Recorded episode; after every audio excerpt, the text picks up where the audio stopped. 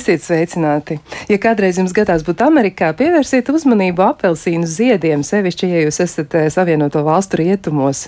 Tur jūs varat atrast bites, kuras apskaužās guļ.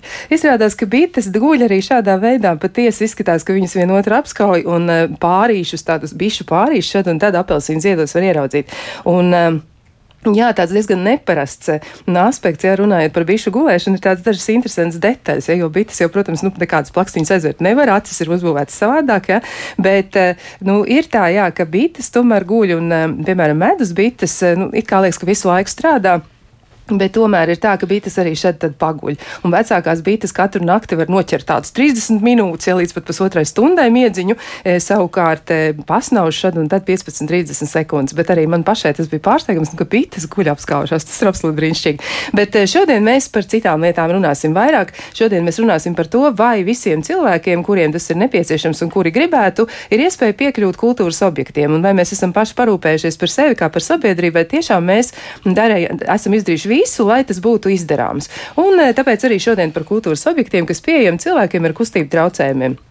Un uzreiz arī pieteikšu studijas viesus. Pie mums studijā ir Dace Vizuli, kultūras ministrijas sabiedrisko attiecību speciālists. Sveicināt! Labdien! Un vēl pie mums ir arī Iveta Neimana, Latvijas cilvēku ar īpašām vajadzībām sadarbības organizācijas Sustento politikas koordinātora un vidas pieejamības eksperta. Mhm. Sveicināt! Labrīt! Nu, lūk, un eh, tad nu mēs eh, varam sākt. Ja, pie viena arī uzreiz pateikšu, ka pie skaņa pūtas šodien ir Mārtiņš Paigls, bet raidījuma producenta Kāleža Loreta Bērziņa savukārt ar jums pašlaik runā Kristiāna Lapiņa. Nu, tad aiziet. E, nu, tā tad varbūt mēs varam tieši ar to arī sākt vispār, nu, kāpēc būtu par to joprojām jārunā? Jo liekas, nu, runāts taču ir tik daudz, un visu laiku cilvēki ir atkal un atkal atgriezušies pie šī temata, bet tomēr, nu, acīm redzot, viss vēl nav ideāli. Nu, tad kura no, kura no viešņām sāks?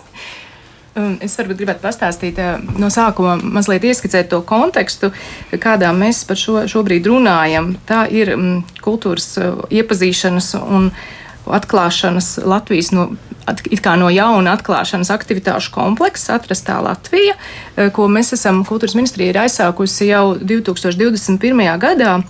Jo kopš 2017. Eh, gada ar ministrijas piesaistīto Eiropas Savienības fondu finansējumu Latvijas reģionos ir izbūvētas un atjaunotas virkne kultūras un dabas mantojuma objektu. Dažādas mūžas, pilis, baznīcas, torņi, parki, muzeji, estrādes, dabas takas arī pludmales un citas vietas. Šīs kultūra vietas ir atzimušas tieši ar Eiropas Reģionālās attīstības fonda eh, iepriekšējā perioda, tātad 2014. līdz 2020. gada perioda, specifiskā atbalsta mērķa saglabāt, aizsargāt un attīstīt nozīmīgu kultūras un dabas mantojumu un attīstīt ar to saistītos pakalpojumus. Tātad šī perioda programmas ietveros. Eh, šos objektus mēs aptveram ar nosaukumu Atrastā Latvija. Un um, šogad izvēlējāmies kā vienu no kampaņas akcentiem likt um, šie, šo aicinājumu apmeklēt un izzināt um, teju 40 objektus, kas pieejami cilvēkiem ar kustību traucējumiem, tajā skaitā tiem, kuri izmanto ratiņkrēslu.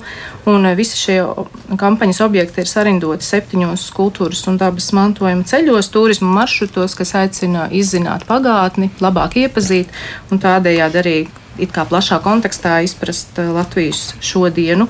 Un šie ceļi ir Baltijas ceļš, Brīvības ceļš, Gaismas ceļš, Daugavas ceļš, Jēkaba ceļš, Līvu ceļš un Māras ceļš. Un katrā no šiem ceļiem ir pieejams vairākas apskates vietas tieši cilvēkiem ar kustību traucējumiem. Un, un šo pieejamības līmeni un, un specifiku var eh, izpētīt, atverot tīmekļa vietni Atrastā Latvija LV. Tur pie katra no objektiem ir minēts arī mm, minēt arī sīkāk par, par tā pieejamību. Un um, vēlamies teikt lielu paldies ekspertiem, kas ir veikuši šo objektu izvērtējumu, un līdz ar to mēs varam tos piedāvāt šobrīd plašākai auditorijai. Jā, tā tad atrast tā Latvija.lv ļoti viegli. Jā, tad jā. var atrast un atrast, atrast to Latviju ļoti, ļoti viegli atcerēties tiešām. Bet eh, nu, tā iniciatīva, uz ko tā bija vairāk balstīta, tas ir par to, ka tiešām gribas atklāt vairāk par Latvijā esošajām um, būvēm, tām pašām muižām vai kaut kādiem kultūras objektiem, ja tas ir vairāk saistīts ar to, ka nu, ir kaut kāds cits mērķis vēl, nu, kā nodemonstrēt to, ka tiešām to var, ka var izveidot izveidot arī ļoti pieejamu vidi. Nu, kas ir tas galvenais vēstījums? Jā, tieši tā kā jūs sakat. Ka šiem objektiem ir jābūt pieejamiem, pieejamiem visiem, un uh, lai veicinātu arī arī citu kultūru vietu veidotāju izpratni plašāk um, attīstīt un, un padarīt pieejamākus šos objektus, jo tas tiešām ir svarīgi mūsu sabiedrībai. Nu, kā izskatās šobrīd arī jums noteikti ir kaut kāda tāda, nu jau, mm, zinām, atgriezeniskā saite, cilvēki kaut ko varbūt ir jau pateikuši par to, kā viņiem tas patīk un kā viņiem iet tur, nu, kā, kā tad ir, ja, kā ir izmēģināt šo taku, piemēram, Māras ceļu. Jā, nu mums bija mm, tiešām liels prieks piedalīties šajā projektā un uh, būt tiem cilvēkiem, kas eh, brauc un uh, vērtē un skatās, kā ir izveidot šī pieejamība šajos objektos. Jāatzīstās, ka mūsu organizācija jau 2000, man liekas, neatceros jau sen, sen, sen atpakaļ. Mums bija tāds projekts ar tajā laikā to turisma attīstības valsts aģentūru, kur mēs arī apsakojām turisma objektus. Tajā laikā bez Eiropas finansējuma nekas nebija sākts gan izdarīt. Vienkārši meklējām tos, kur var cilvēki ar braukt ar kustību traucējumiem un redzēt Latvijā lai vienkārši ieteiktu cilvēkiem uh, tos gala mērķus. Un tā reizē mums, bija samērā grūti, jo lielākā daļa uh, tādu tieši kult, vēsturis, kultūra vēsturisku objektu mums atbildēja, ka nē, nu, viņi nevar būt pieejami, viņiem neļauj neko daisīt, kad uh, viņi var tādi kādi tādi stāv vai ne, un diemžēl neko tur, tur nu, cilvēku nekā ar kustību traucējumiem tas nebūs pieejams. Tad ļoti pārsteidz un patīkami pārsteidz šoreiz braucot pa šiem objektiem, kas bija gan vecas pīlis, gan uh, mūžas, gan, nu, es teikšu, tādi, kur pirms tam noteikti teica, ka nekas nav izdarāms un ka tas nav iespējams neko tur izdarīt. Ja?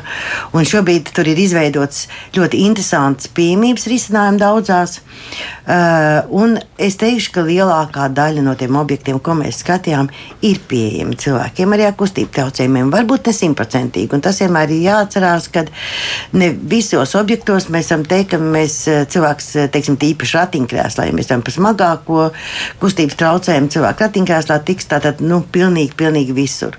Bet tajā pašā laikā tas, eh, tas, kas ir apskatāms, ir pietiekami interesants un skaists. Tie parki skaisti, tās ir pirmā stāvā izvietotās ekspozīcijas, tās ir darbnīcu vietas, tās ir. Uh, ja es reiz minēšu vienu objektu, kas man pārsteidza laikam visvairāk, un tā bija Lūdzas pilsētas drupas. Jūs visi zināt, kāds ir pilsdrupas, jā, tur parasti var labākā gadījumā pie viņiem apkārt apstaigāt un pa vidu knapi klupot pa, pa, pa akmeņiem pastaigāt. Tāda uh, tur izveidots uh, vienreizēja skaista, pieejama platforma, kuras ceļš iziet ārpus pilsētas. Pilsēta loga. Nu, es esmu virs Daugavas, virs Lūdzas, augstu gaisā, gan izputnu lidojumā. Viss tas ir pieejami, droši izveidots. Man tiešām pārsteidza, jo līdz šim man likās, ka pilīs vai drupās neko izdarīt nevar. Tur var tikai tapciņus maz uztaisīt. Ja? Jā. Līdz ar to tas tāds ļoti interesants risinājums. Un, tā kā, un vairāk tādu risinājumu. Biežām mēs redzam ļoti daudz ļoti interesants risinājumus. Uh, un, uh, tiešām pieejams risinājums. Jā. Mm. Jā, bet eh, jūs teicāt arī, ka ir tie iebildumi, kādreiz arī nu, tie apsaimniekotāji saka, nu nē, mēs nevaram. Tad uz ko viņi balstās? Nu, kas ir tas viņu nu, pamata arguments, viņi saka, kāpēc nevar? Nu, ziniet, man liekas, vairāk tās ir sapratnes trūkums. Jo mm -hmm. nav tā, ka ne, nevar. Protams, ir vietas. Mēs domājam, ka Sigūdas eh, tajā turētas turnī ticamāk, kamēr nebūs ratiņkrēsli, kas pārvietosies kā droni, ja mēs ticamāk tur netiksim augšā. Ja? Uh, un droši vien ir kaut kādas vietas, kuras nu šobrīd mēs neredzam, jo uh, kā, var būt pat var, bet tas prasa ļoti milzīgs ieguldījums un kaut kādas īpašas tehnoloģijas. Bet lielākoties tā ir. Man liekas, pārspīlēta šī doma par to, ka mēs neko mainīt nevaram, un nepadomājot plašāk, ka tomēr kaut ko mainīt var un uh, var izveidot. Ja? Un, principā, uh, jā, vienkārši pieņem domu, ka to nevar. un, tā, nu, tāpēc nedara. Aha, nu tas tāds droši vien attieksmes jautājums. Jā, Jā bet e, mēs varētu turpināt ar to, ka mm, ir tāda nacionāla romantisma pērle un tā dēvē Siguldas jauno pīli, kas 20. gadsimta 30. gados ir piederējis Latvijas preses biedrībai. Un e, šai laikā pilī tika izveidots īpaši graisnes nacionālā stila interjers, kur izveidē ir piedalījušies tādi mākslinieki kā Niklaus Strunke, Pēters Ozoliņš, Kārlis Sīniņš un citi. Un no 2017. līdz 2019. gadam pilī notika restaurācijas darbi. Un to laikā ēka tika pielāgota arī cilvēkiem ar kustību traucējumiem. Nu, lūk, un ēkā, ko šobrīd arī var apskatīt turisti un paciemoties katrs no mums, bija mana kolēģe Daina Zālamane. Nu, klausīsimies, kā viņai tur gāja. Zane Gatere ir bijusī Siguldas vēsturiskā centra arhitekte, un viņa rāda pie Siguldas jaunās pils kāpnēm izveidoto pacēlāju. Papildus uzbūvēto taciņu, kas fasādes priekšā atrodas, nokļūst pie pacēlāja pats iebrauc iekšā, turot attiecīgi pogu, uzbrauc augšā, atver durvis. Un bez pūlēm iebrauc iekšā pirmā stāva telpās. Durvis var atvērt, durvis ja? var atvērt, abas puses ir vaļā. Cilvēks vienmēr ir, kas sagaida. Var pieregistrēties, nopirkt biļeti, var saņemt audio gidu un izbraukāt visas pirmās stāva telpas, tajā skaitā labierīcības. Siguldas jaunās pils grezno interjeru var apskatīt gan vestibilā, gan zālē un ēdam istabā. Priekš latviešiem tā ir romantisma stila pērli. Kopumā ņemot, tur ir salikts viss eh, kas pasaulē bija tajā laikā populārs un pieejams, un plus pielikts klāt nacionālā romantisma uzsvēršanai Latviju rakstu zīmes. Vai cilvēki ratiņkrēslos var izbraukt arī uz terasītes? Jo nevar atnākt uz Siguldas jauno pili un neiziet uz terasītes, vai ne? Jā. Slieksnis. Slieksnis, jā, bet cilvēki var izbraukt uz tās terases. Bet pilsdrupās ir tornis, rietumu tornis, kurā ir lifts līdz pašai augšai. Un tur tas skats eh, uz Gaujas senielēju ir vismaz tāds pats kā skats no Siguldas jaunās pilsētas torņa, kur ar ratiņkrēsliem netiek. Nu, kā jūs teiktu, cik bieži šeit iebrauc cilvēki ar ratiņkrēsliem? Es neteiktu, ka bieži, bet pirms nedēļas bija mm, cilvēku ar īpašām vajadzībām grupa. Jāpajautā recepcijas meitenēm, viņas ir tās, kas tur kontrolē situāciju.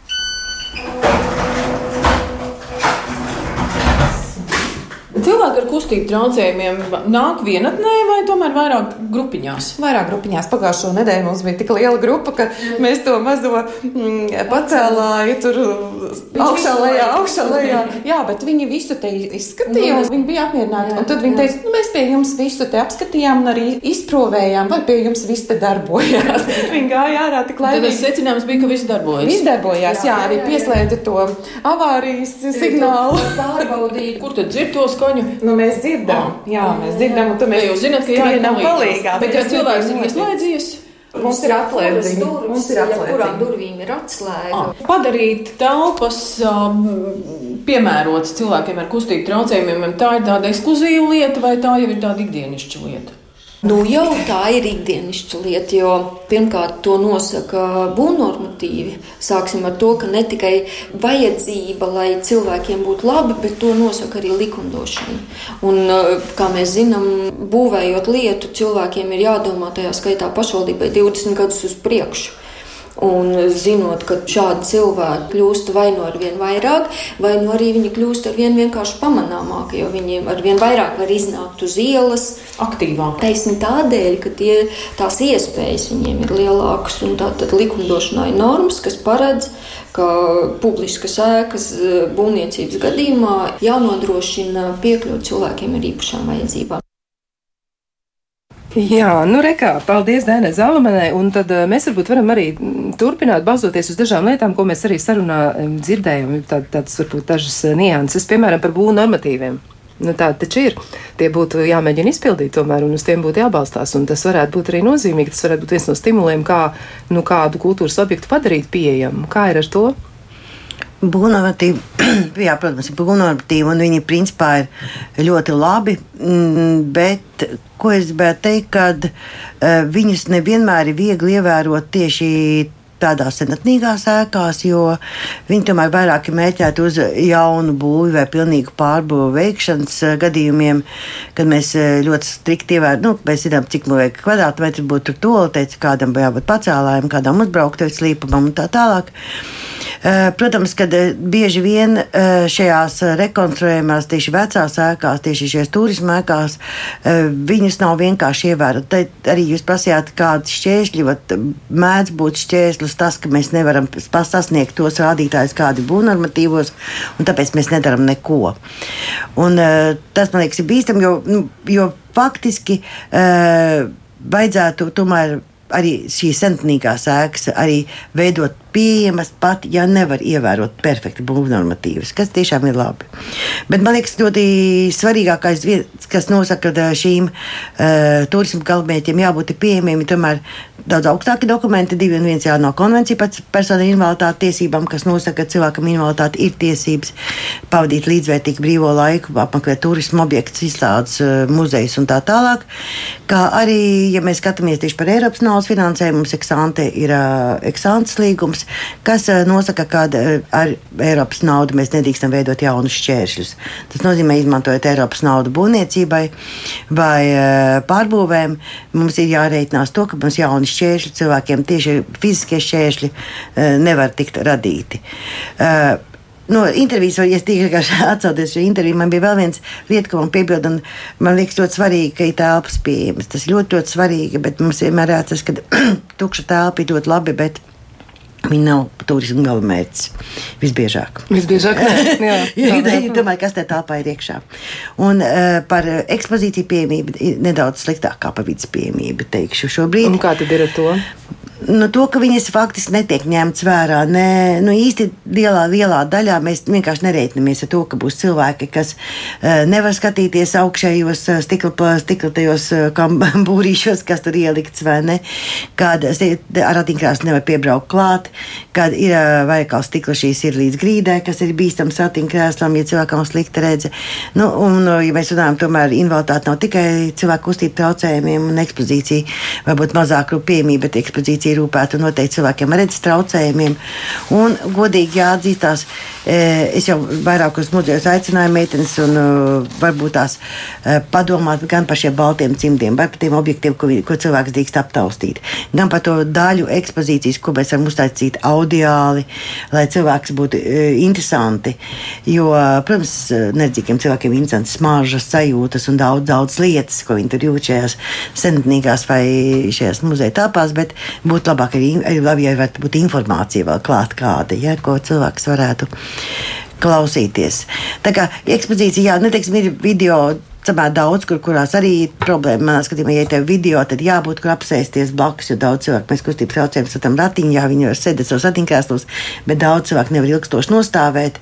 Bet tajā pašā laikā pie video stenda nekāda vieta, kur apsēsties cilvēkam un to paklausīties nav. Ja viņš spēj stāvēt kājās, tā kā tāds nianses, kas man liekas būtu izbēgamas, tajā brīdī, ja mēs konsultētos ar kādu nebūtu mēģināt būt paši gudrākie un domāt, kā tas vajadzīgs ir vai ne, bet tomēr parunāt un tīri praktiski paskatīties, kā cilvēks izmanto mūsu, nu, ekspos, mūsu tās telpas, mūsu tās ekspos, kas tā iekšā ir. Jā, bet kā tad ir ar šīm zināšanām? Cik cilvēkiem vispār ir zināšanas un, nu, piemēram, tiešām, nu, tāds, nu, ekspozīcijas pieejamība, kaut vai tīri fiziski, ja es esmu ratiņkrēslā, es tiešām nevaru redzēt, kas tur ir uzlikts, ja tur divu pusmetru augstumā, es nekad to nevarēšu ieraudzīt. Kā vispār arī ekspozīcija veidotāji, muzeja pārstāvi, vai viņi ir informēti? Informēti par to, kas būtu nepieciešams. Viņi vispār tādā fokusā ir paskatījušies uz šīm lietām.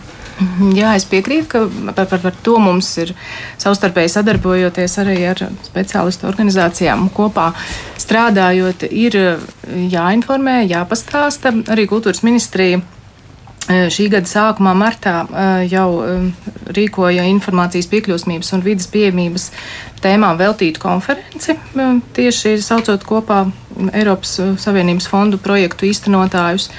Un, tur mēs stāstījām gan par vidas pieejamību, gan par informācijas piekļūstamību un izaicinājumiem. Konferencē piedalījās arī invalīdu un viņu draugu apvienības apēnons pārstāvis un nodibinājuma kolorais vadītāja Lība Bērziņa. Un par informācijas piekļūsmības risinājumiem stāstīja digitālās vidas piekļūsmības eksperts Pēters Jurčenko.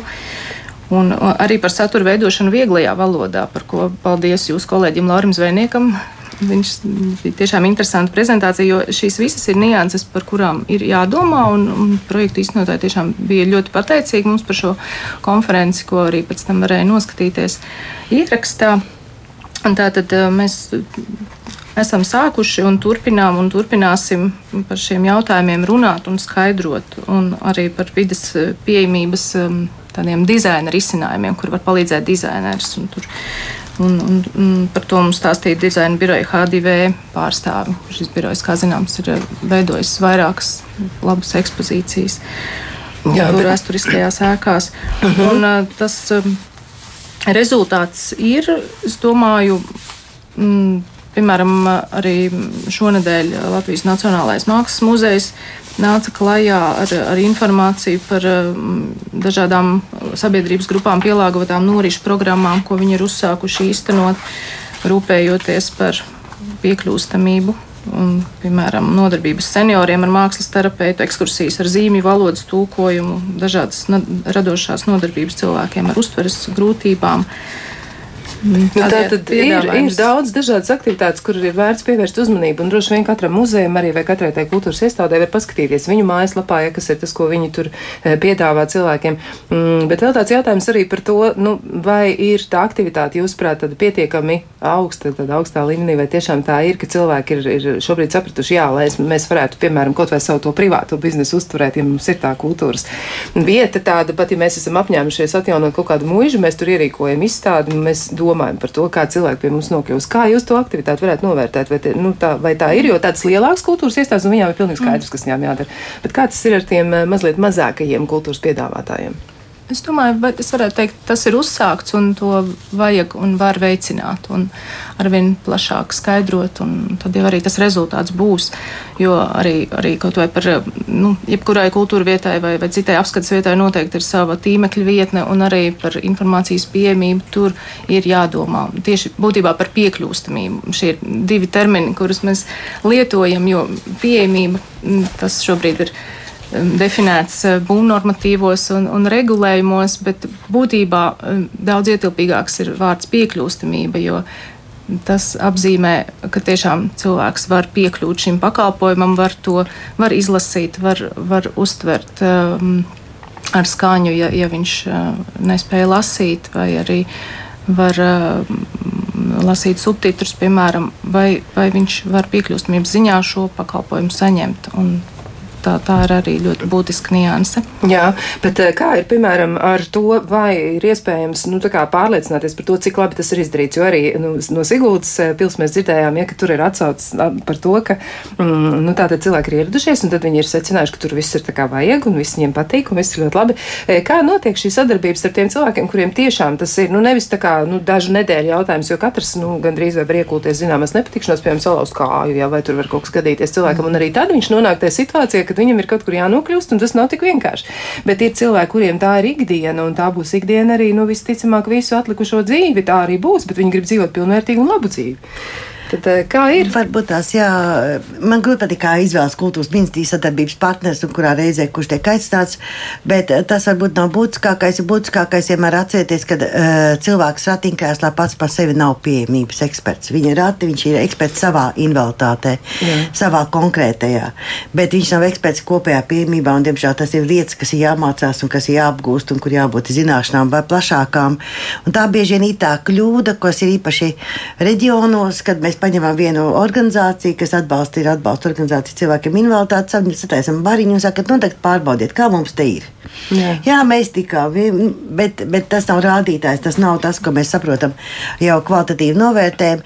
Tāpēc, tāpēc vienmēr ir svarīgi tomēr skatīties, nu, tās organizācijas šobrīd, man liekas, pamatā ir tās divas organizācijas, mūsu un Aperons, kas veic šo kvalitatīvo novērtējumu vidas uh, no visiem skatu punktiem, ja, un sniedzēju šos atzinumus par to, jo Jā, jo savādāk tas, tā, tā, tā, tas, tas beidzās kļūdas, kuras varētu nebūt ja būtu bijusi šī konsultācija pirms tam, kad ieliek bruģakmeņus miroņu galvas, pirms, eh, pirms liekšņa, ja, vai? Ne, un, un tam līdzīgs, tad tam nevajadzīgas kļūdas, ja, eh, kuras eh, pieļauj varbūt tās organizācijas, jo, ja cilvēks dzīvo uz vietas, tev grūti, jo tur jau tev bija bru, bru, visu laiku bedrains ceļš, un tagad ir uzlikts kaut kāds bruģīts, ja, tu jau esi priecīgs, un tev liekas, ka visi uzlabojumi panākti, ja, Jā. bet viņi nespēja novērtēt, cik tas ir svarīgi. Tā kā, tā kā tas, tas ir ļoti būtiski tiešām konsultēties jau tā prātīgi un īpaši sākot darbus. Nevis tā kā jau pabeigt, ka mēs bieži braucam uz objektiem, kas jau ir nodoti, kas jau strādā. Nu, tas var konstatēt, jā, nu, ne, vai nevajadzētu to sliekšņu, un nevajadzētu to bruģi pirms tās liekšņa, vai ne? Tas ir paliels apgrūtinājums. Ja? Viņi varēja nebūt, viņš nav obligāts, ja? mm. uh, tikai dizainisks. Nu, Jā, bet kā ar pašiem speciālistiem, jo arhitekts nu, reizēm viņš iedomājas kaut ko ļoti skaistu. Ja? Nu, viņi mm. ir tādi vīziju, vīziju veidotāji, viņiem ļoti patīk iedomāties tādu kopēju kontekstu, ja viņi tālu redz, kā saka. Tad, bet, bet kā ir ar to, vai speciālisti arī paši attopas laikus un saprot, ka šis nebūs tikai nu, tam cilvēkam, kurš var izskriet pa visām tām mazajām šaurajām vietiņām, ja? bet ka tas būs tomēr domāts cilvēkiem, kuriem ir ļoti dažādas vajadzības. Ir teikšu, dažādi. Man liekas, tā kā jebkurā profesijā tā ir dažādi speciālisti, ir arhitekti, kas taisa ļoti labus projektus un ir ļoti e, pieejams, tas, tā pieejamība nav acīs lecoša, kā saka, kas traucē pārējiem baudīt to vidi. E, bet e, ir, ir tādi, kas, jā, kas domā, kas redz tikai sevi un vairāk redz, ko nevar nekā ko var. Bet es teikšu, ka lielākā problēma pat bieži vien nav arhitekti, tieši šī projektēšana, arhitektūra, bet liela problēma ir dizains kas nu, mēs, ja mēs runājam, es eh, šobrīd nemāku pateikt par, eh, par, par eh, šīm, šīm tādām man, manā pārziņā bija tieši vecas zeltnes, tad, tad tas dizains īpaši nebija iespaidojams, bet, bet, teiksim, jebkurā gadījumā dizains ir tas, kas var ļoti daudz mainīt uz labu vai uz sliktu. Tas ir sienu krāsojums, tas ir uzraktu spilgtums, tas ir norādes, tas ir, tas ir daudzas, daudzas lietas, kas mums no vienas puses var paslēpt liftu skapī, ja, un mēs pat neredzam, ka tai vecai mājai skaists moderns lifts. Vai mēs jāstājam kā tādu pumpu pa vidu, ja, un, un, un visu laiku visi viņu redz. ja, pat, pat, pat, pat, ja tu visu apkārt smūgi, tad redz liftu kā pirmo. Ja, Jā. un tas ir, tas ir dizains. Un, tāpēc man liekas, dizaineriem būtu ļoti, ļoti daudz jādomā tieši par šo pieejamo, pieejamo dizainu. Ne tikai kā pieejami kā cilvēkiem, bet, bet lai tas dizains sajieta pārējiem cilvēku gaumi. Jā, nu, rekā, nu vēl mēģināsim izpētīt visas nianses, kādas tur ir saistībā ar šo visu. Un arī klausītājs aicinām iesaistīties, rakstiet mums, mēģiniet arī mūs sazvanīt. Un, tad kopā mēģināsim saprast, kā padarīt to visu labāku, pieejamāku un lai mums visiem tiešām vieglāk ir tikt pie tās kultūras klāt. Jā, bet nu, šis ir mirklis, kad mums ir nedaudz jāatpūšas. Kā labāk dzīvot? Turpinām sarunu par to, kā mums piekļūt kultūras objektiem, un ne tikai mums, tiem, kas tur tādi sprauni un ļoti jāstri jūtas, bet arī tiem cilvēkiem, kuriem vai nu uz kādu brīdi, vai arī uz kaut kādu ilgāku laiku ir jāsaskars ar kustību ierobežojumiem.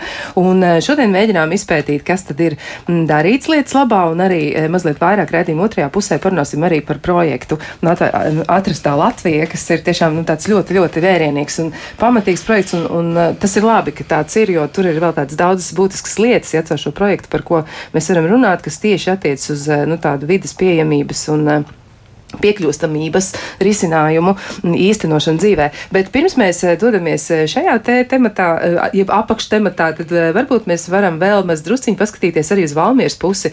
Un Valmieras vecpilsētas senākajā daļā pils teritorijā līdzās pastāv Valmieras vecākā koka ēka un jauna moderna arhitektūra uz pils pamatiem būvēta ēka no stikla un betona.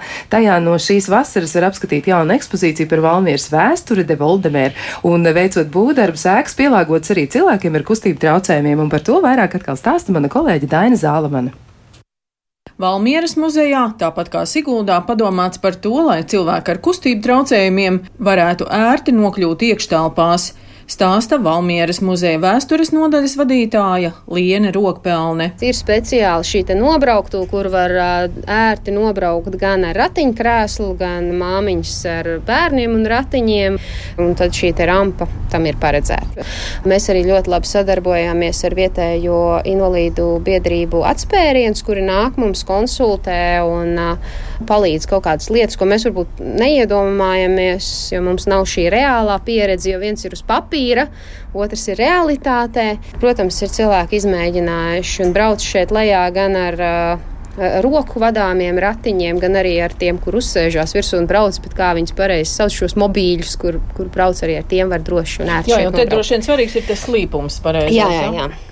Nu, redzēsim, kā būs ziemā. Nu, pagaidām liekas, ka kalpo labi, jo arī ir šis skrāpētais betons, kas neslīd. Un tas nozīmē, ka droši vien arī muzejā tad, uh, nav nevienas liekšņa. Ne nav sliekšņi, un mums arī muzejā mēs ļaujam nākt iekšā suņiem pavadoņiem. Tas, protams, nenozīmē, ka katrs suns varēs nākt iekšā, bet šie suņi pavadoņi ir laipni aicināti ar saviem saimniekiem nākt un apskatīt jauno ekspozīciju. Mhm. Te tāds mazs slieksnīts ir, bet tam jā. laikam tiek pāri. Tam jā? būtu jātiek pāri, jā, jo tie ir tie pieļaujamie centimetri, kad uh, tiek, un mēs arī pārbaudījuši esam. Uh, nu, tad ienākot šeit iekšā, ievada telpā, mūs sagaida apmeklētāji, konsultants. Tālāk mēs ejam uz uh, liftu. Pirmais stāvs. Jā, ir arī šie paziņojumi ar uh, balsi, kad uh, zina, kur, kur ir nonācis. Šeit var brīvi darboties, var piebraukt arī ar ratiņkrēslu klāt, tiec klāt. Jā, tie tas augstums ir pietiekami ērts. Jā, un arī pārējās vitrīnas tiešām tika testēts un pārbaudīts tā, lai gan maza auguma cilvēks, kas ir bērns, redz, gan arī cilvēks ratiņkrēslā piebraucot, lai viņš justos ērti un varētu izlasīt un lai tiktu klāt. Nu, un ja mēs te uzliekam atslēdziņu, mēs atveram papildus informāciju, bet mēs mainām lielumus un mēs mainām arī fonu. Uz kādu var izlasīt, vai balts, vai balts uz melna, vai melns uz balta. Un, uh, mēs arī uzaicinājām, kad mēs bijām uzdrukājuši un bija izmērīti nu, lielumi burtiem, kas ir uz sienām. Tomēr tika nokonstatēts, ka cilvēkam ar redzes problēmām ir grūti izlasīt, neskatoties, ka burti nu, mums varētu šķist ir pietiekami lieli. Un ir izdrukāts speciāls materiāls, kuru cilvēks ienākot iekšā var saņemt recepcijā un nest līdzi. Un tas ir kā speciāls buklets, kur var lasīt ar lieliem atbilstošiem burtiem, kurus mēs nokonsultējāmies tieši ar vairedzīgo biedrības pārstāvjiem. Nu, jā, tā kā šeit visur principā ar ratiņkrēslu ir iespējams izbraukāt, viss ir apskatāms. Nekur nav jāslēdz, tas viss visur ieslēdzās. Šeit ir labierīcības, kas ir pielāgotas. Uh mhm. -huh. Nepieciešamība ir arī trauksmes poga. Nu, tā kā viss, Jā. kam ir jābūt, ir šeit. Arī e, māmiņām ar bērniem ir kur pārtīt, pārtīt bērņus. Tā. Tagad mēs nonākam vecākajā daļā, vecākajā koka ēkā, kur arī ir daļēji pielāgota. Jo principā no visas ēkas vienīgā tēma, kuru cilvēki e, ar ratiņkrēsliem nevar apmeklēt, ir mīnus pirmais stāvs, kas ir pagrabs, bet tur nebija fiziski iespējams izbūvēt šo liftu. Jo tad būtu jārokās ēcās mājas pamatos iekšā, un tad Izmaksas būtu. Izmaksas būtu ļoti lielas. Tas ir viens, un otrs mēs nezinām, kas tur apakšā ir. Varbūt to fiziski nemaz nevar izdarīt. Liene Rokpelne stāsta, ka arī uz citām Valmieras muzeja ēkām var nokļūt pa ceļiem, ko klājas krāpētais betons. Būtībā tā ir vesela iela, pa kurieni var pārvietoties, braukt. Ja ir nepieciešams, piemēram, izkāpt, lai nav tālu jāiet, ir speciāls tālokums, kur piebrauc cilvēki var izkāpt. Autobuss dodas tālāk, bet cilvēki paliek šeit. Jā, un arī uz izstāžu namu ērti pārvietošanās. Nav nekādi eh, slieksnīši, vai nav bruģīši, vai nav arī uh, klājums ar granti, tad arī te var nonākt un arī izbaudīt uh, vēsturi, tā teikt, un tālāk iet un baudīt mākslu, piemēram, vai arī aiziet uz kafejnīcu, kas arī ir pieejama un ērti sasniedzama. Nu, rekā, nu tā tad arī eh, Valmieras, eh, Valmieras eh, muzejs piedāvā ļoti daudz dažādas lietas, un tiešām izklausās arī, ka viņiem tur ir gājis labi. Nu, vienīgais tiešām par pagrabu runājot, nu tur tad jādomā, kā to ekspozīcijas daļu padarīt pie, pieejamu, piekļūstamu tiem cilvēkiem, kur tur tiešām nevar nokļūt. Bet, uh, Un vēl arī gribētos eh, mazliet arī pievērsties tam burtisku zīves mirkli, ko jūs domājat par eh, nu, pieejamību ziemā. Ja? Un tad eh, viens no klausītājiem, viņš arī vēl otru jautājumu arī mums uzdod, ja viņš saka, nu, ka kā, būtu tas ziemā jāpārbauda, vai tiešām ietves kaut vai, piemēram, ir pieejams, ja? vai tiešām ir tur viss kārtībā. Un otrs jautājums arī viņš jautā, vai jūs izmantojat abus parastos un elektriskos ratiņkrēslus, tad, jūs mēģināt pārliecināties par to, vai tiešām viss ir izdarīts, jo tam nu, tur ir būtiska atšķirība. Jā, viņš saka, ka viņš ir piedalījies daudzos dažādos apsakojumos, un tur, kur parastais ratiņkrēsls tiek, tur netiek elektriskais. Jā, nu, tā kā tur ir tādas zināmas atšķirības. Nu, re, kā, jā, tad viena no ekspertiem nošūpo galvu, otra izskatās, ka zina, ka jā, šī, jā. Tā, šī tā ir. Jā. jā, protams, uh, varbūt mēs neizmantojam, neeksperimentējam gan ratiņ, ratiņkrēslu, gan parasto, gan elektrisko, bet mums ir uh, noteikumi, kādi ir jā, jābūt, jāievēro, lai varētu pārvietoties gan elektriskā ratiņkrēslā, gan uh, parastā ratiņkrēslā, gan cilvēks ar kruķiem, gan cilvēks brauks ar staiguļiem. Tad tur ir jau noteikumi, un droši vien, ka mums katru reizi nav jāņem līdzi abi rati, lai mēs pārliecinātos, eh, kā, tas, kā, tas, kā tā pārvietošanās tiks organizēta.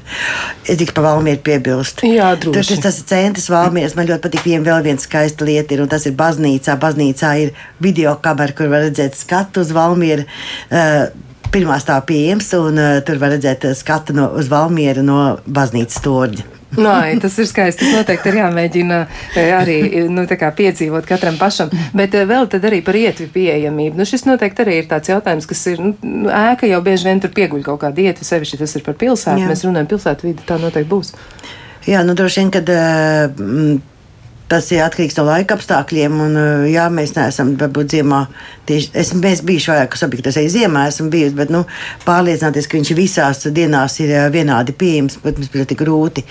Jo tas atkarīgs no ap- apsaimniekotāja. Un, ja klājums ir uh, pareizi uzklāts, tad nav slīdošas slīdes, nav bruģakmens, akmens, bet ko mēs pa, pa pieļaujam, ka tas slīdēs, vai kādi citi materiāli, kas varbūt tās tā īsti ēti kā grants, ja viņš nav izmantots no šis cietināmais materiāls, plikas grāmatas segums, tad varētu būt tā, ka kaut kādos ūdeņos pavasaros sliktāk izbraucams. Nu, tādā gadījumā faktiski, nu, tā, ja tie segumi ir pareizi, tad principā viņiem vajadzētu, ja viņi ir apkopti, būt pieejamiem arī ziemas apstākļos. Protams, lielā, liela daļa objekti, kas ir tādi vairāk, kur tieši tie ceļi būtu tie vairāk ārā objekti, un es domāju, ka ziemā, protams, var braukt, es domāju, ziemā varētu būt skaisti, bet, bet, bet tas ir cilvēku ratiņkrēslā ļoti bieži neizmanto ziemu kā ceļošanas brīdi, jo tas ir vienkārši augsts un ilgāk ir ārā, ilgāk kustoties ārā, cilvēki vienkārši salst, jo sēdēt nu, ārā ir Nu, augsts. tas ir savādāk, jā, absolūti, jā. bet, bet es domāju, ka tas ļoti daudz atkarīgs no apsaimniekotāja. Ko es varu teikt, ka ja kāds vēlas kaut kur braukt, tas ne tikai ziemā, bet arī vasarā, vienmēr ir labi pazvanīt šo objektu un paprasīt vai pabrīdināt. Jo, protams, ka tad, tad būs mazāk iespējas, ka kāda atslēga ir pazudusi, kādas, eh, kāds nav uzlādēts kāds pacēlājs vai vēl kādas nelaimes. Jo eh, par jautājumu par to, cik daudz cilvēku brauc uz jautājumu, kad, ko te uzdeva Siguldam, liekas, tev jāprasīt, Jā, cik tiem bija tā. cilvēki. Jā. Nu, jā. Es domāju, ka eh, tas prasa laiku. Jo cilvēki gadu desmitiem zinājuši, ka viņiem tas nav pieejams. Ja? Un, eh, mēs nevaram cerēt, ka mēs šodien uztaisām pieejamu, viss kā pa autobusā un brauc to apskatīt. Ja? Tā nenotiek. Tas nozīmē, ka uh, ir jāpaiet laikam, lai cilvēki jau droši dotos uz uh, objektiem, zinot, ka uh, ticamāk viņš būs pieejams, vai viņš noteikti būs pieejams. Un tad arī cilvēki būs vairāk, tie, kas kustību traucējumiem, dodas uz šādiem objektiem. Un, protams, ar autobusiem ir ļoti labi, bet Latvijā nav neviena autobusa. Kas varētu uzņemt vairāk kā divus cilvēkus. Nu, labi, ka mums četri tur ir tie mazie autobusi, bet tad nav pavadoņiem viens. Tā kā mums, mums Latvijā ir liels problēmas ar uh, turismu infrastruktūru, tieši autobusiem, pārvietošanos lielas grupas. Principā mēs nevaram veidot, ja mums nav kur cilvēks kā pārvadātājs pie vidu brauktu. Vēl viena liela problēma, pēdējais pie problēmām, ir tas, ka lielā daļā no šīm piegulošām teritorijām nav kafejnīcu. Jā. Un cilvēkiem, nu, par akcentiem pat nerunāsim. Ja vairāk kā viens rats neņem nevienu viesmāju, viens cilvēks ratiņkrēslā, eh, gan īsti neviena viesmāja, viesnīca ir tāda patās viena vieta maksimāli. Ja. Mm, nu, un, un labi, bet Latvija nav liela, braucam uz vienu dienu, bet eh, tas nozīmē, ka ēst principā lielai daļai jāņem līdzi. Es gan biju ļoti skaistā vietā, piknika vietā, kas atrodas arī šajā pašā Krāslavas rajonā, ja lauku sēta, man liekas, saucās. Šī vieta, kas ir Daugaus krastā, ļoti skaista, kur sazdoties vietējā pašvaldība, viņi tur atver tos vārtus, ja, un tur ir tāda, jo, bet tā ir piknika vieta. Nu, tad ir skaists laiks, tad mēs varam piknikot un ļoti skaisti paēst, bet principā ar šo ēšanu ir lielas problēmas. Nu, kā, kā lielas problēmas. Un tas ir tāda nērtība, eh, ko saskars cilvēki ar kustību traucējumiem, īpaši ratiņkrēslā ceļojot pa Latviju. Bet šis, ko jūs teicāt par to, ka nav autobusu, kas varētu pārvadāt Jā. vairāk kā divus cilvēkus, šis man ir nu, ļoti nepatīkams pārsteigums. Jā. Es tiešām esmu ļoti, ļoti tā, nu, Mums šis ir kaut kas, ko mēs noteikti neaizmirsīsim. Mēs mēģināsim to tālāk izpētīt, Jā. un nu, tam nu gan būtu jātiek atrisinātam. Bet, ja, ja mēs atgriežamies arī pie paša projekta, varbūt tomēr ir vēl kaut kas sakāms, jo tas ir tas veids, kā jūs aicināt cilvēkus iesaistīties, kā jūs aicināt viņus tomēr to Latviju atrast atkal un atkal no jauna.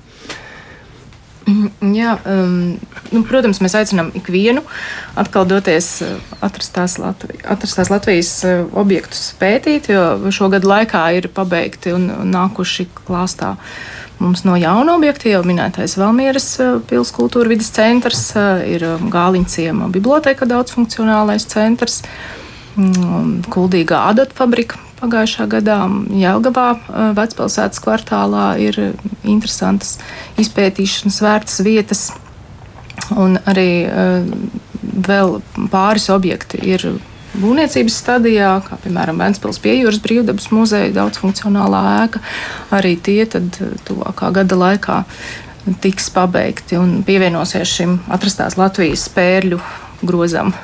Jā. Un uh, otra uh, mūsu šā gada kampaņas uh, otrs uzsvars ir uz viesiem no Lietuvas un Igaunijas. Arī tos mēs pastiprināti aicinām atbraukt šurp un izpētīt Latvijas skaistās vietas atjaunotās ar Eiropas fondu finansējumu ieguldījumu. Jā, bet eh, domājot arī par to, vai ir izdevies eh, varbūt arī kādai vietai, topogrāfiskajai vietai, ja, kurā ir kaut kas, eh, nu, apdomāties par to, kā viņi varētu padarīt sev vēl interesantāk. Jo tur tiešām, ja ir tikai viena kaut kāda tāda apskates vērta vieta, ja, tad nu, varētu arī tā būt, ka cilvēki tiešām nu, ap, apzinoties to, cik grūti varētu būt viņiem tur nokļūt, viņi beig beigās izlēma, nu nē, nu tad mēs uz turieni nebrauksim.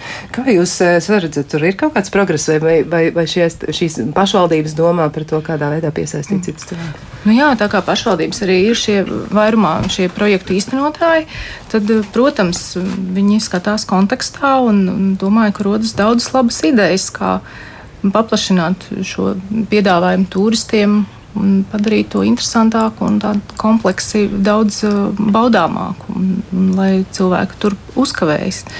Tas jau ir viņu interesēs. Braucot pa tiekoties ļoti daudziem šiem muzeja vadītājiem un direktoriem un tā tālāk. Un projektu vadītājiem, es teikšu, ļoti, ļoti interesēti cilvēki. Un tas tiešām tie cilvēki tik aizrautīgi, viņi gatavi visu pielāgot, pamēģināt un uh, atvērti jaunām idejām. Protams, tas ir finanses trūkums, kas visvairāk kavē. Esmu redzējis, man liekas, kaut kādus piecus projektus jau tādus, ko man parādīja, kur jau viņi gatavi kaut ko mainīt blakus esošās ēkās. Jo eh, tas tiešām ir tā, ka eh, šai projektā ir atjaunotas, eh, teiksim, no kompleksa, pilsētas kompleksa viena ēka. Un tas ir ļoti labi, ka tā pilsētas parks vienmēr ir, kas ir skaists šiem pilsētas kompleksiem, bet tajā kompleksā parasti ir vairākas ēkas, kurās ir kaut kādi citi novietpētniecības vecie muzeji vai kas, kas ir ļoti interesanti, bet kur diemžēl nav pieejami. Nu, un, Tā kā tās ir vecie pilsētas kompleksi, visbiežāk tās ēkas tādas, kurās nu, bez kaut kādas pietiekami lielas naudas, to pieejamību nodrošināt ir salīdzinoši grūti. Un, uh, mēs esam runājuši vairākiem, kā varētu vienkārši pagaidu pieejamību nodrošināt, teiksim, individuālu pieejamību nodrošināt, lai tā, ja cilvēks ir atbraucis, ja, lai viņš tiemēr tiek iekšā, varbūt ne tik ērti, ne tik dro, ne, droši jābūt, bet ne tik ērti, varbūt teikt, pastāvīgi ar palīdzību, bet tomēr, lai redzētu šos ekspozīcijas, jo Tā ir taisnība. Aizbraucot uh, četras stundas ceļā, esot uh, no Rīgas, tad cilvēks brauc. Uh, viņš grib vairāk kā vienu, vienu daļu no muzeja redzēt, vai ne? Un tikai parku viņš visu redzēt. Un to arī var saprast. Bet es tomēr domāju, ka ļoti svarīgi ir tā interesētība, kas ir darbiniekos. Jo tas ir tas dzinulis, kas dzen uz priekšu un kas ir Eh, jo tiešām es aicinu apskatīt gan atrastās Latvijas, gan varbūt tās citus objektus, jo arī daudz kas tādas nav vēl šajā, tieši šajā projektā atjaunot, citos projektos atjaunot, bet tā atšķirība no tā, ko varbūt tās cilvēki atcerās vēl pirms gadiem, desmit vai pieciem, ir pilnīgi cita bilde un var braukt un ir interesanti un vienmēr būs ko redzēt. Es tieši domāju par Lūdzu, jūs pieminējat Lūdzu, un es tā fantazēju par to, kāds varētu izskatīties. Es esmu bijis ļoti, ļoti sen, un uh, man mm. ir grūti iedomāties, nu, tas, ko Jā. jūs aprakstījāt, kāds varētu būt. Jā, jā, un tas un tā, ka Lūdzu ir pieminēja Jēlgava, Jēlgava, ja kāds cilvēks ir attīstījis, teiksim, no bērnības, nekad nav bijis koka mājas otrā stāvā, tad Jēlgavā ir šī amata māja, kurā ir ideāli, man liekas, atjaunota tieši šī koka Uh, divu stāvu celtne, ja, kas ir tāds standarts nu, daudzā, daudzās vietās. Un, uh, tur izveidots ir uh, muzejs, un uh, tur ir lifts, un tur ir arī labierīcības. Un, jā, ka tiks, labierīcības vispār pārsteidz šajā pēdējā apmeklējuma laikā, kad labierīcības ir visur, principā pieejamas lielākā daļa. Un, ja nu nav bet, bet vispār labierīcības ir visur. Un tas tā patīkami pārsteidz, jo, jo bieži vien tā, tā ir tā problēma visiem, ne tikai cilvēkiem ar kustību traucējumiem, bet pārējiem, aiz kuru krūmiņu skriet, vai ne? protams, protams, nu, cilvēks jau vien, vien ir, jā. jā. Mēs jau visi, jā, kaut kāds bioloģiskās vajadzības ir. Bet, nu, tuvojoties sarunas noslēgumam, kas ir tas, ko jūs teiktu, nu, kas varbūt ir arī tādas, nu, tā kā sasāpējušas lietas, bet ko jūs teiktu, nu, ja, ja man būtu iespēja šito atrisināt acu mirklī, ja, tad es, es darītu tieši šo. Varbūt ir kas tāds, kas ir, nu, tiešām tā kā sēdējis visu laiku prātā un gribas par to pateikt? Nu, ja man būtu nauda, nedaudz, tad pazemā, es piezemētu pēc pārbūvēm.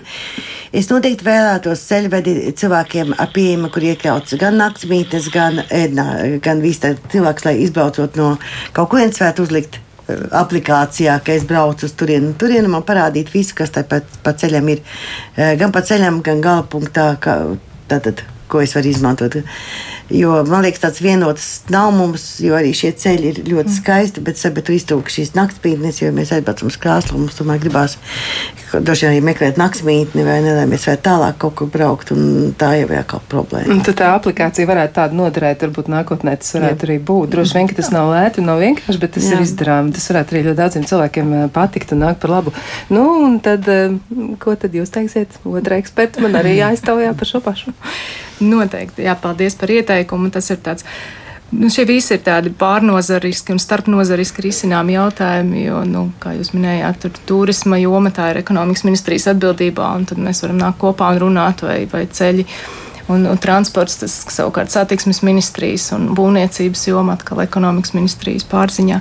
Tas, tās ir visas labas ierosmes, ko tālāk risināt, lai tiešām mums visiem kopā būtu labāk dzīvot, kā jau skan šis redzījums. Un paldies par to, un arī eh, speciālistu sagatavotos ieteikumus mēs noteikti apkoposim un aizsūtīsim mūsu projektu cilvēkiem, un, un varbūt arī vēlāk var sazināties, ja vēl vajag kādus mm, papildinošus, mm, precizējošus tādus mm, ja, dažu jautājumu risināšanai, jo, no, jo daudz no tiem bija tiešām tādi ļoti ērti atrisināmi, manuprāt, kā piemēram specializētu stāvvietu izveidi, ko taču var objekta īpašnieks veikt pie sava objekta. Un, Nu, tur tā kā nebūtu tiešām tādas liels problēmas. Nu, to jau laikam saprot eh, cilvēki, ka tas ir izdarāms. Jā, nu, tiešām liels prieks par to, ka jums ir izdevies to attīstīt un arī, ka jūs esat tik ļoti, ļoti iesaistīti. Un jūs teicāt, nu, ka tā pēdējā tā fāze, ja nāca klāt 40 objekti, bet kopumā vispār cik ir?